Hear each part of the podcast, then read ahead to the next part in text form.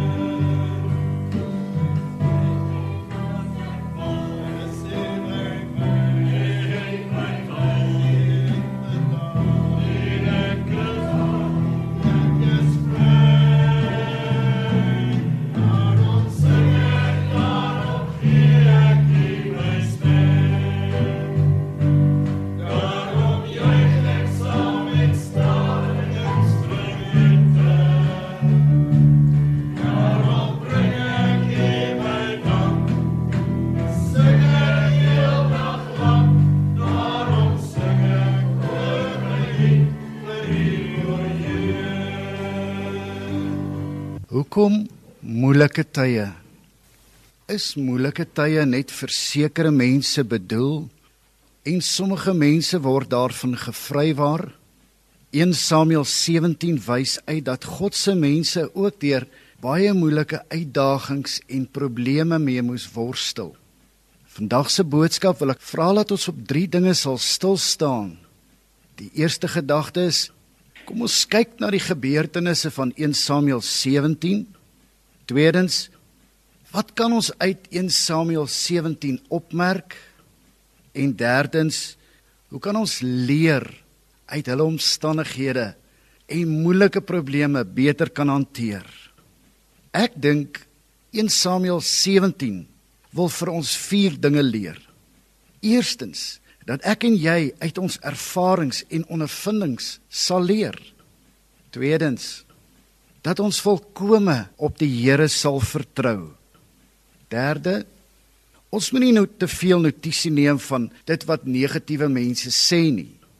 En ten laaste kom ons besef dat die moeilike goed wat met ons kan gebeur ook op die einde van die dag tot ons voordeel kan uitwerk. Nou hierdie goed wat ek sopas vir jou gesê het, moet ons nou gaan toets op grond van dit wat in 1 Samuel 17 staan. Nou wanneer ons 1 Samuel 17 deurlees, dan lees ons daar van die Filistyne wat gaan laar trek het om teen Israel te veg. Israel sou spoedig hoor by die Filistyne wat op hulle gaan wag. Twee heuwels het Israel en die Filistyne geskei. In die middel was daar die valleigrond. Goliat was die Filistyne se baasvegter. Blykbaar 3 meter lank. Sy borsharnas alleen 56 kg. Sy eysterlem van sy swaard 7 kg. Hier kom Goliat met 'n arrogante voorstel. Hy kom daag die Israeliete uit om teen hom te veg. Hy gebruik hierdie argument Hy sê die verloorder word aan die ander nasie se slawe. Dis nogal selfvandaan, nie waar nie? 40 dae lank kom Goliat en hy daag Israel se gevegsmanne uit. Op 'n dag stuur Isai, dis nou Dawid se pa, om daar na die gevegsgrond toe waar Saul en sy broers is. En hy sê vir Dawid: "Vat bietjie hierdie kos vir jou broers, miskien word hulle hierdeur verkoop." Terwyl Dawid daar by sy broers aankom by die gevegsterrein, hoor hy juis hierdie Goliat se uitdagende woorde. 1 Samuel 17 vers 10 sê: Ek daag die slagordes van Israel vandag uit. Geef vir my 'n man dat ons saam kan veg. Toe Saul en die hele Israel hierdie woorde van die Filistyn hoor, was hulle verskrik en baie bevrees. Dis 'n bietjie verder in 1 Samuel 16 vers 26 vra Dawid vir hierdie manne wat aan die gevegslinie veg. Wat sal met die man gebeur wat hierdie Filistyn verslaan?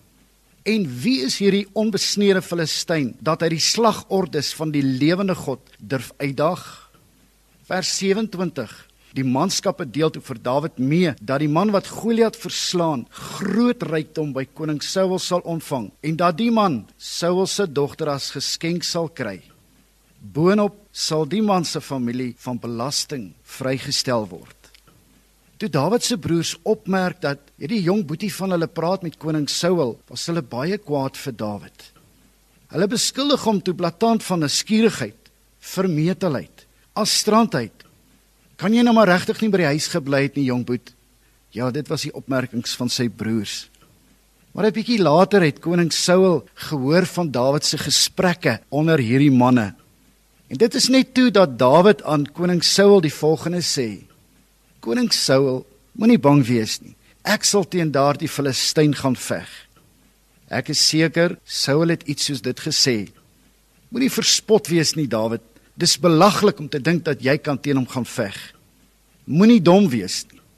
Vers 34 van 1 Samuel 17 gee vir ons inligting hoekom Dawid bereid was om teen hierdie reus Goliat te gaan veg. Daarop sê Dawid aan Saul: "U dienaar het sy vader en dis 'n kleinvee opgepas, koning Saul, en as daar 'n leeu of 'n beer kom en 'n stuk kleinvee uit die trop wegdra, dan gaan ek agter hom aan en verslaan hom en ruk dit uit sy bek uit. En as hy my aanval, gryp ek hom aan sy baard en verslaan hom en maak hom dood. U dienaar het die leeu sowel as die beer doodgeslaan. En met hierdie onbesneede Filistyn sal dit gaan net soos met een van hulle, omdat hy die slagordes van die lewende God uitgedaag het. Verder sê Dawid: Die Here wat my gered het uit die klou van die leeu en uit die klou van die beer, hy sal my red uit die hand van hierdie Filistyn. Nogal dapper woorde, nie waar nie? 'n Jong seun wat bereid is om teen 'n reus te gaan veg. Die Bybel sê Saul het sy goedkeuring gegee, maar hy het die volgende voorgestel: Dawid, kom trek eers my gevegsuitrusting aan. Jy moet daarom lyk asof jy bekwam is, jong. Jy moet daarom lyk soos 'n gevegssoldaat. En arme klein Dawid het so hard probeer om daardie gevegsuitrusting van die koning aan te trek tot op die einde van die dag opgegee het en gesê: "Ek kan nie. Dis te swaar.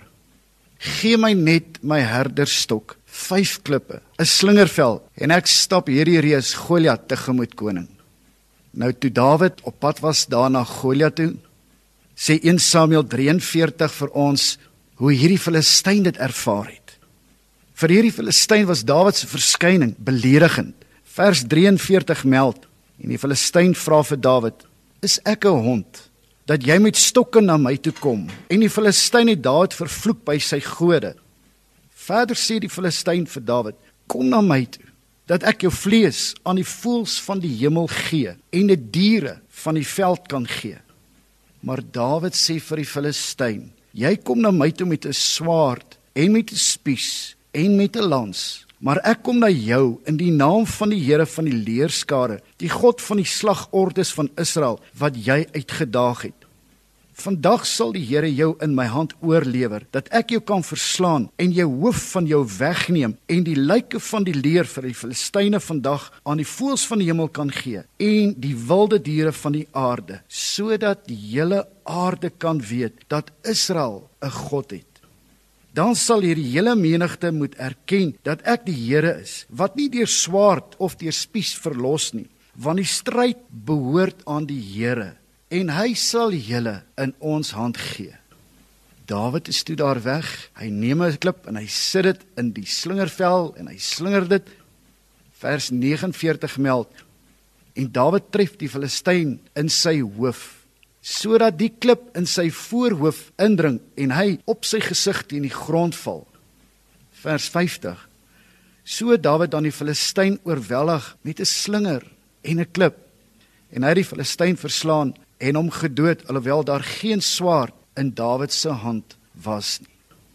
Nou die gevegsmanne van Israel was baie verbaas en totaal en al verslaan. Maar hulle is so opgewonde daar weg en hulle het die klomp Filistyne agterna gesit Dawid het Goliat se swaard geneem en hy het vir hierdie Filistyn Goliat gaan onthoof en sy hoof na Jerusalem gebring.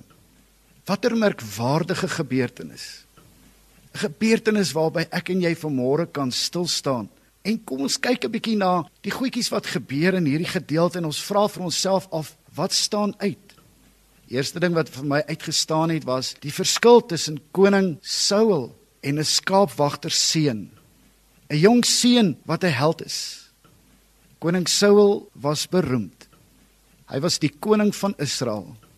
Wat is dus die verskil tussen 'n held en iemand wat beroemd is? Iemand wat beroemd is, is beroemd vanweë 'n posisie, 'n aanstelling wat hy gekry het. Maar iemand wat 'n held is, moes 'n sekere daad pleeg en vanweë daardie daad wat hy gepleeg het, het hy 'n held geword. Die slim geleerde mense sê dat iemand wat beroemd is, kan opskrifte haal. Maar 'n held is iemand wat geskiedenisboeke haal. Nie verniet staan die Bybel 66 hoofstukke aan Dawid af. Is dit nie merkwaardig nie? Maar Dawid het nie 'n gemaklike lewe gelei nie. Hierdie Dawid moes as jong seun hongerleeu's wat sy skape dreig trotseer. Wat 'n stresvolle lewe om te dink dat jou werk elke dag is om hongerleeu's van jou skape af weg te hou. Ek dink ek sal nie kan slaap nie. Maar Dawid het ook 'n eensame pad gelewe, want hy was in die veld afgesny. Daar in die veld kon hy net met homself praat, dalk met sy skape en met sy God. En kan jy nou jou indink wat praat hy? Watter gesprek voer hy met sy skape? Vir ware eensame lewe. Maar wat laat Dawid uitstaan? In 1 Samuel 17 lees ons dat Dawid plaas sy volle vertroue in die Here. Dawid het getuig aan koning Saul dat die Here hom al in sy lewe op verskeie plekke en in moeilike situasies uitgered het. Tweedens, Dawid het ook 'n gesonde selfbeeld gehad. Hy kom modelleer eintlik vir my en jou as 'n gelowige hoe om sterk te staan. Al is daar moeilike goed wat ons pad langskom, laat ons nog steeds 'n gesonde selfbeeld sal hê. en 'n gesonde selfbeeld sal kweek. Dawid het geleer dat die ervarings in die lewe hom vir toekomstige uitdagings voorberei. Die kere wat Dawid die leeu en die beer verslaan het, daardeur kon sy selfvertroue groei. Daar moes dus eers 'n leeu en 'n beer in Dawid se lewe wees voordat daar 'n Goliat in sy lewe kon verskyn het. Wat wil ek hierdeur vir jou sê? Klein oorwinnings kon vir Dawid tot groter suksesse lei. Dit is vir my belangrik dat ons vandag sal besef dat ek en jy ook klein oorwinnings kan behaal.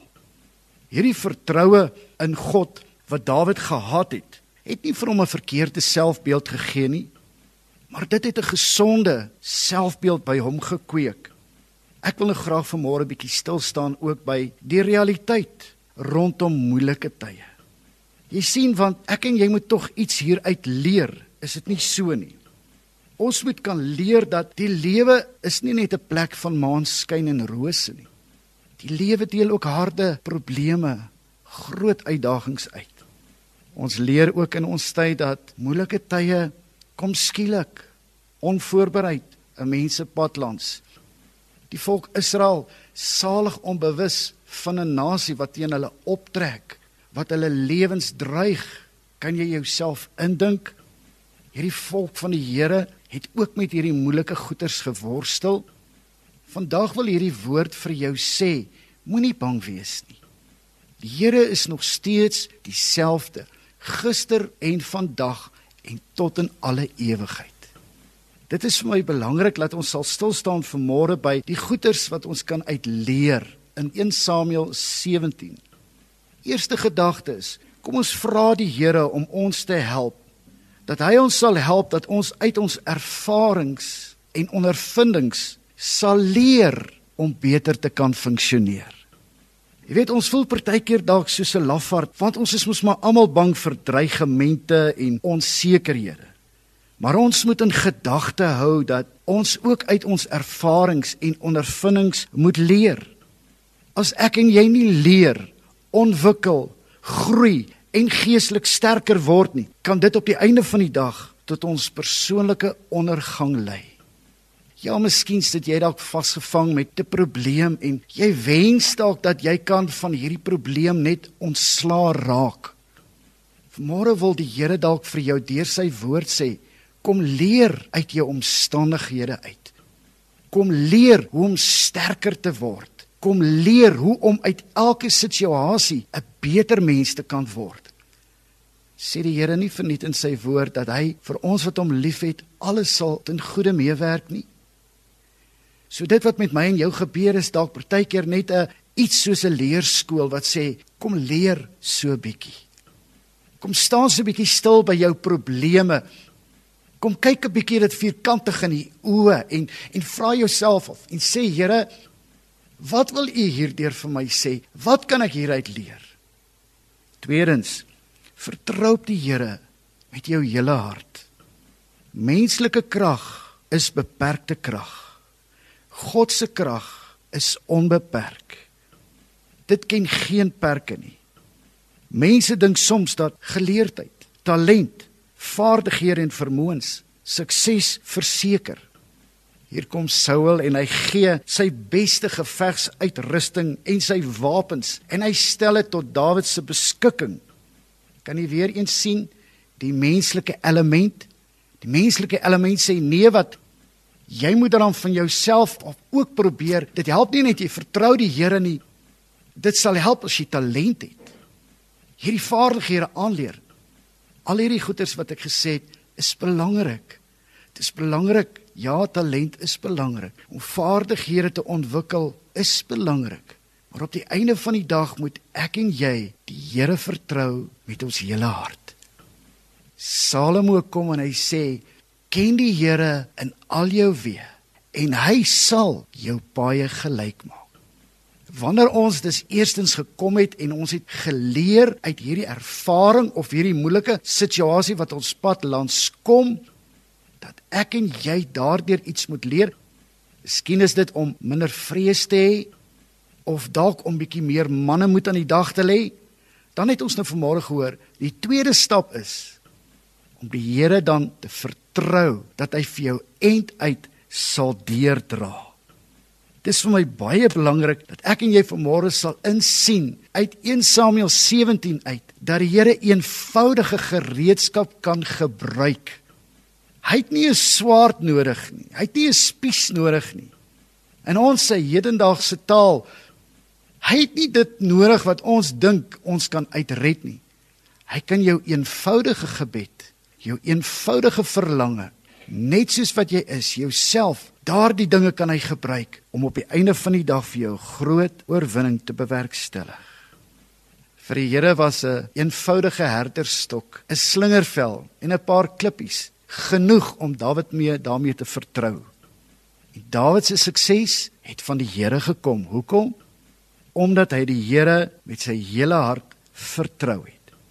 Die derde gedagte is Kom ons neem nie notisie van wat negatiewe mense elke dag oor ons lewens wil profeteer nie. Dawid se broers en selfs die koning en selfs Goliat se kommentaar teenoor hom was net negatief. Dawid se broers en die koning self wat die volk van God genoem word, se gesprekke was negatief, afbreekend. So kan dit vandag ook wees, vriende, dat jou eie vriende Die mense wat naby aan jou is, dalk soos jou broers, ook dalk net negatief praat oor jou. Hulle spreek negatiewe goed. En omdat hierdie mense so naby aan jou is, kan dit jou tot negativiteit stem. Maar in Dawid se geval was dit nie maar net sy broers wat van hom sleg gepraat het nie. Koning Saul het self sy twyfel gehad in Dawid. Dawid, jy's 'n jong seun wat in die veld hoort. Dawid, dis verspot van jou om te dink jy kan teen hierdie reus gaan veg. Dawid, jy sal nie wen nie. Kan jy indink as Dawid na hierdie negatiewe stemme moes geluister het? Selfs die koning het vir hom gesê dit gaan nie werk. Vandag is daar dalk mense in ons lewens ook, dalk meer as net kollegas, vriende, dalk die mense wat oor ons aangestel het, wat vir ons wil sê, dit kan nie werk nie. Dit sal nie werk nie. Prominente figure het dit vir Dawid gesê. Maar kom ons leer uit 1 Samuel 17 uit dat Dawid het nie toegelaat dat negatiewe gesprekke hom gekniehelder het. Kom ons leer uit Dawid se lewe dat hy het nie toegelaat dat hierdie kritiek hom lam gelê het nie. Die vierde gedagte is besef dat die moeilikheid waarmee ek en jy dalk mee sukkel. Nou hierdie moeilikheid kan dalk moeilike mense wees, onvoorspelbare omstandighede. Dit kan ook vrese van buite wees. Al hierdie goed kan op die einde van die dag tot jou voordeel strek. Miskien sien jy dit dalk nie nou nie. Miskien vra jy jouself af, wat kan hierdie moeilike goed waarmee ek nou mee worstel, wat kan dit op die einde van die dag tog vir my behels? Wel, hierdie negatiewe gebeurtenisse van die volk, hierdie volk help om weer nader na God toe te kom, want God het vir hulle 'n wonderwerk gedoen kan jy sien dat selfs 'n teëspoed, 'n negativiteit kan op die einde van die dag tot jou voordeel strek. Dawid kon daardie swaard van Goliat, waarmee hy Goliat se kop afgekap het, as sy eie aandenking maak en later ander gevegte daarmee veg. Met ander woorde, vandag se bedreigings kan môre se betroubaarste hulpmiddels word. Kom ek en jy skep vandag moed. Kom ons skep vandag vir onsself 'n kultuur waarbinne ons kan lewe om nie onnodig bang te raak nie. Ek vat vanmôre hierdie boodskap saam. Wat wil ek deur 1 Samuel 17 vir jou sê? Probleme, moeilikhede kan nie altyd voorkom of geïgnoreer word nie.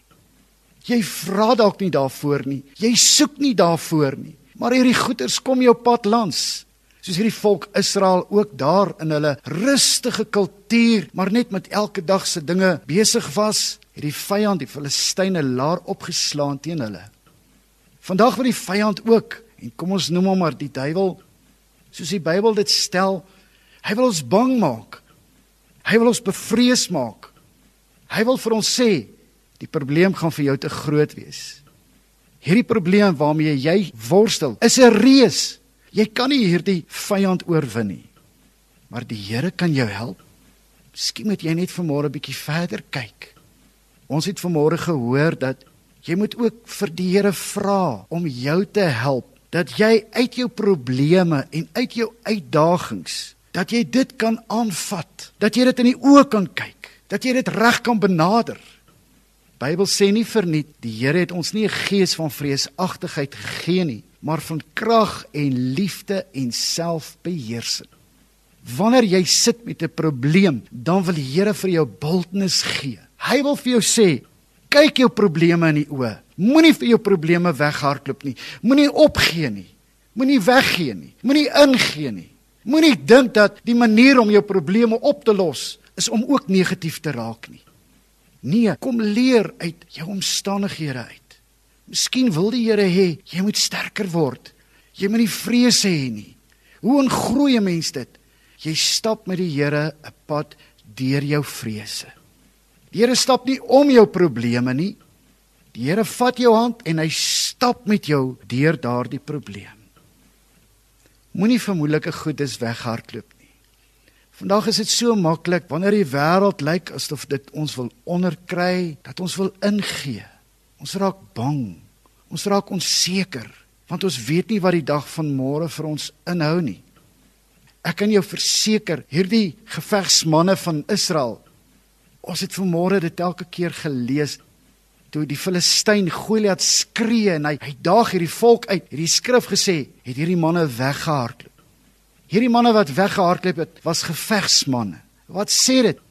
Dit sê vandag dat selfs dapper mense kan weghardloop kom ek en jy wees die kind van God wat nie noodwendig gaan weghardloop vir 'n probleem of 'n moeilike situasie. Met die hulp van die Here kan ons dit ook oorwin. In elke omstandigheid waar jy ook al mag wees, kan die Here vir jou uitkoms bied. Hy beloof immers in sy woord dat hy ons nooit sal begewe en nooit sal verlaat. Dit is nie vanmôre maar net per toeval dat jy hierdie woorde moes hoor nie. Ek is seker die Here het nog voor die grondlegging van hierdie wêreld 'n afspraak met jou gehad vandag. En hy wil vandag vir jou deur hierdie woord sê, hy kan jou help. Miskien is jou aandag so vasgevang in die probleme en die moeilike goed hier om jou dat jy nodig het om bietjie soos Dawid eenkant toe te gaan. So bietjie stil te raak. So bietjie met die Here gaan praat en sê Here, Ek hoor soveel stemme. Ek hoor hoeveel mense praat met my. Here, as ek gaan aanhou luister na hierdie mense se stemme, gaan ek dit nie maak nie. Ek moet begin afsny. Help my, Here, om u stem te hoor.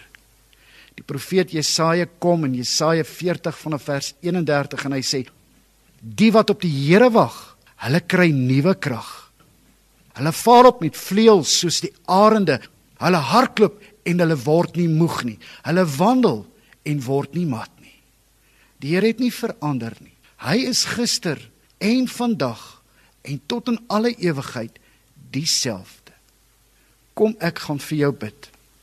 Hemelvader, ons is ook vanmôre mense wat soms bang raak. Ons raak onseker.